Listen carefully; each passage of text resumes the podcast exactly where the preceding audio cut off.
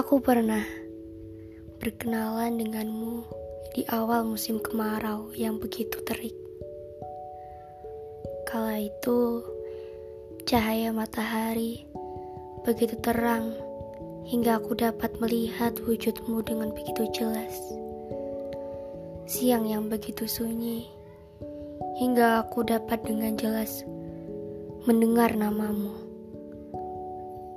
entah semesta yang berpihak pada kita, atau malah kita yang memaksakan perkenalan itu. Aku harap bukan karena alasan yang kedua, sebab aku tahu banyak hal yang terlalu dipaksakan oleh manusia yang pada akhirnya berujung pada kecewa.